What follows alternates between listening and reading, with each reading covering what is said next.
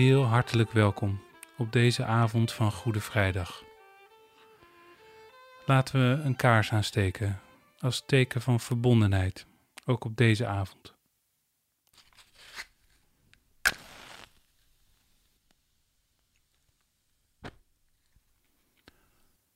Vanavond lopen twee verhalen door elkaar heen. Ons verhaal, dat van jou, van u, van mij, van iedereen. Dat verhaal dat voor iedereen verschillend is. Hoewel we deze weken opeens met elkaar ook een nieuw verhaal aan het delen zijn. Dat verhaal van een virus, van een samenleving die ontwricht is, met alle gevolgen voor ons allemaal, op zoveel verschillende manieren. En midden in dat verhaal waar we nu in zitten, hoe heftig het ons ook raakt, maken we deze dagen toch ruimte voor een ander verhaal dat al bijna 2000 jaar met ons meegaat. Of misschien kan ik beter zeggen, omdat we zo geraakt zijn en bezet zijn door de situatie waar we ons nu in bevinden, verlangen we misschien wel des te meer naar een verhaal dat de tijden, ook de moeilijkste, heeft doorstaan. Een verhaal dat ons is doorgegeven door wie voor ons leefde. Een verhaal dat ook ons en deze tijd zal overleven. Dat is een verhaal over God en mens. Een verhaal over Jezus, die beide was. En vanavond gaat het fout. Er sterft een mens, een kind van God, net als wij. Laten we luisteren.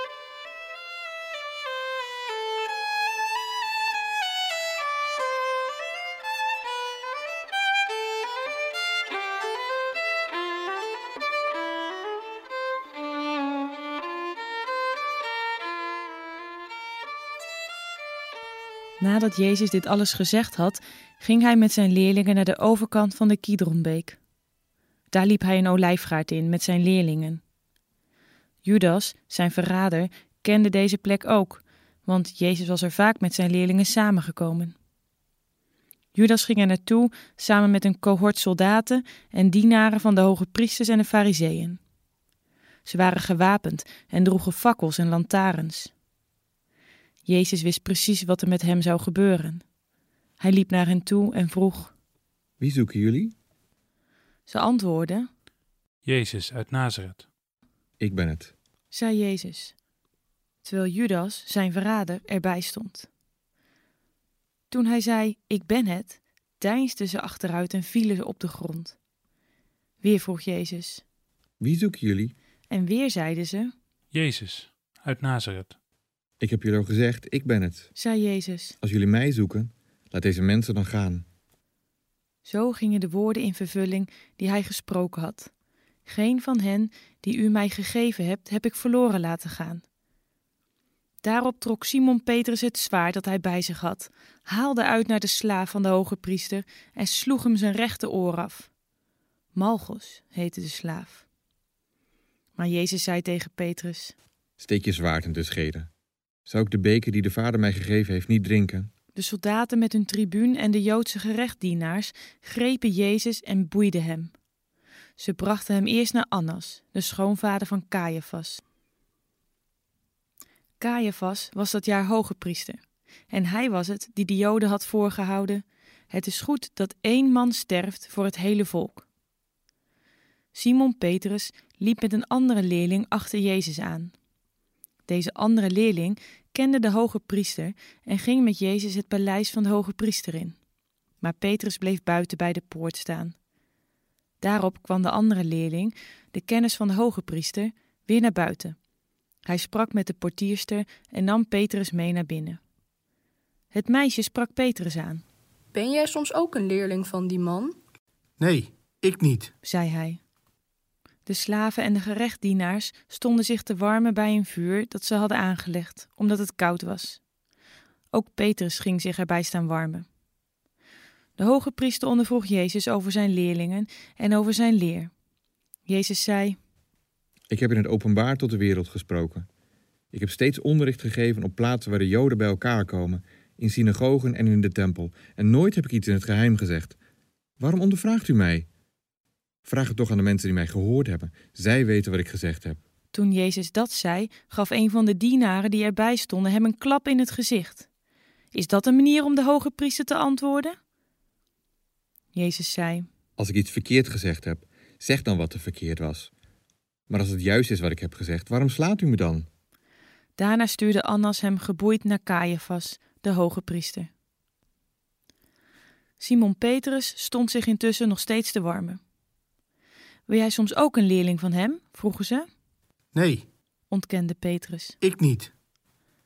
Maar een van de slaven van de hoge priester, een familielid van de man van wie Petrus het oor had afgeslagen, zei: Maar ik heb toch gezien dat jij bij hem was in de olijfgaard? Weer ontkende Petrus, en meteen kraaide er een haan.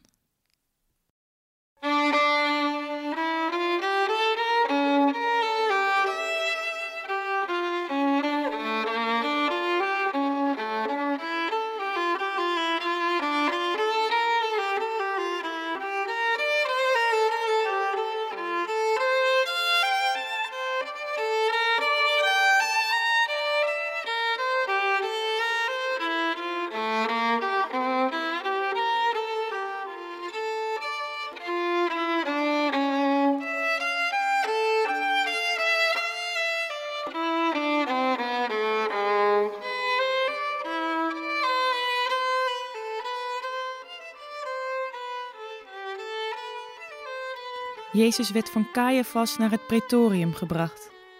Het was nog vroeg in de morgen. Zelf gingen ze niet naar binnen om zich niet te verontreinigen voor het Pesachmaal. Daarom kwam Pilatus naar buiten en vroeg. Waarvan beschuldigt u deze man? Ze antwoordden: Als hij geen misdadiger was, zouden we hem niet aan u uitgeleverd hebben. Pilatus zei, Neem hem dan mee en veroordeel hem volgens uw eigen wet. maar de Joden wierpen tegen. We hebben het recht niet om iemand ter dood te brengen. Zo ging de uitspraak van Jezus in vervulling, waarin hij aanduidde welke dood hij sterven zou. Nu ging Pilatus het pretorium weer in.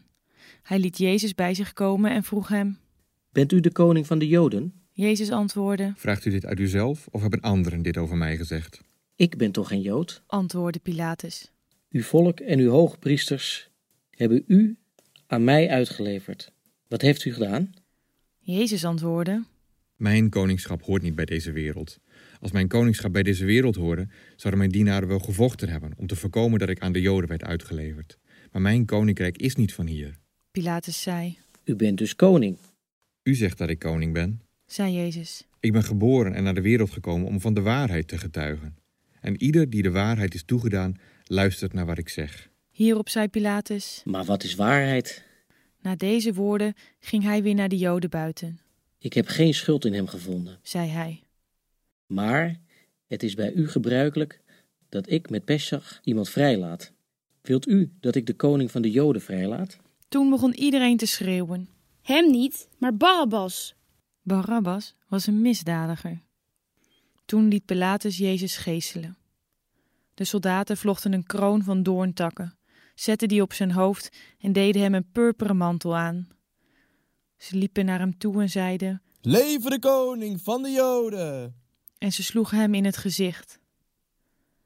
Pilatus liep weer naar buiten en zei: Ik zal hem hier buiten aan u tonen, om u duidelijk te maken dat ik geen enkel bewijs van zijn schuld heb gevonden. Daarop kwam Jezus naar buiten met de doornenkroon op en de purperen mantel aan. Hier is hij, de mens. zei Pilatus. Maar toen de hoge priesters en de gerechtsdienaars hem zagen, begonnen ze te schreeuwen: Kruisig hem, kruisig hem! Toen zei Pilatus: Neem hem dan mee en kruisig hem zelf, want ik zie niet waaraan hij schuldig is. De Joden zeiden: We hebben een wet die zegt dat hij moet sterven, omdat hij zich de zoon van God heeft genoemd. Toen Pilatus dat hoorde, werd hij erg bang. Hij ging het pretorium weer in en vroeg aan Jezus. Waar komt u vandaan? Maar Jezus gaf geen antwoord. Waarom zegt u niets tegen mij? Vroeg Pilatus. Weet u dan niet dat ik de macht heb om u vrij te laten of u te kruisigen? Jezus antwoordde: De enige macht die u over mij hebt, is u van boven gegeven. Daarom draagt degene die mij aan u uitgeleverd heeft de meeste schuld. Vanaf dat moment wilde Pilatus hem vrijlaten. Maar de Joden riepen: als u die man vrijlaat, bent u geen vriend van de keizer. Want iedereen die zichzelf tot koning uitroept, pleegt verzet tegen de keizer. Pilatus hoorde dat, liet Jezus naar buiten brengen en nam plaats op de rechterstoel op het zogeheten mozaïekterras, in het Hebreeuws Gabbatha. Het was rond het middaguur op de voorbereidingsdag van Pesach. Pilatus zei tegen de Joden: Hier is hij, uw koning. Meteen schreeuwden ze: Weg met hem, weg met hem, aan het kruis met hem. Pilatus vroeg. Moet ik uw koning kruisigen? Maar de hoge priesters antwoordden: Wij hebben geen andere koning dan de keizer. Toen droeg Pilatus hem aan hen over om hem te laten kruisigen.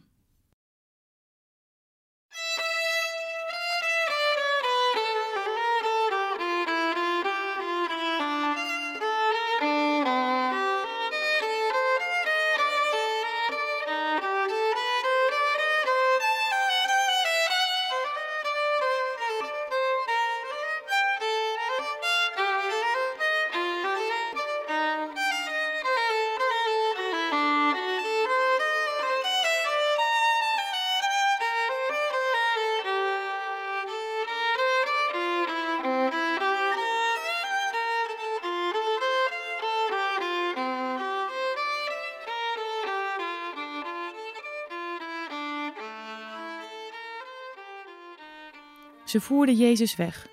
Hij droeg zelf het kruis naar de zogeheten schedelplaats, in het Hebreeuws Golgotha.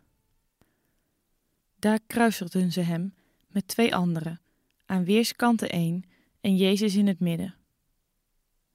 Pilatus had een inscriptie laten maken die op het kruis bevestigd werd. Er stond op: Jezus uit Nazareth, koning van de Joden. Het stond er in het Hebreeuws, het Latijn en het Grieks. En omdat de plek waar Jezus gekruisigd werd dicht bij de stad lag, werd deze inscriptie door veel Joden gelezen. De hoge priesters van de Joden zeiden tegen Pilatus: U moet niet koning van de Joden schrijven, maar deze man heeft beweerd: Ik ben de koning van de Joden. Wat ik geschreven heb, dat heb ik geschreven. was het antwoord van Pilatus. Nadat ze Jezus gekruisigd hadden, verdeelden de soldaten zijn kleren in vieren, voor iedere soldaat een deel. Maar zijn onderkleed was in één stuk geweven, van boven tot beneden. Ze zeiden tegen elkaar: Laten we het niet scheuren, maar laten we loten, wie het hebben mag. Zo ging in vervulling wat de schrift zegt: Ze verdeelden mijn kleren onder elkaar en wierpen het lot om mijn gewaad. Dat is wat de soldaten deden. Bij het kruis van Jezus stonden zijn moeder met haar zuster, Maria, de vrouw van Klopas, en Maria uit Magdala. Toen Jezus zijn moeder zag, en bij haar de leerling van wie hij veel hield, zei hij tegen zijn moeder: Dat is uw zoon. En daarna tegen de leerling: Dat is je moeder. Vanaf dat moment nam die leerling haar bij zich in huis. Toen wist Jezus dat alles was volbracht. En om de schrift geheel in vervulling te laten gaan, zei hij: Ik heb dorst. Er stond daar een vat zure wijn. Ze staken er een majoraantak met een spons in en brachten die naar zijn mond. Nadat Jezus ervan gedronken had, zei hij: Het is volbracht. Hij boog zijn hoofd en gaf de geest.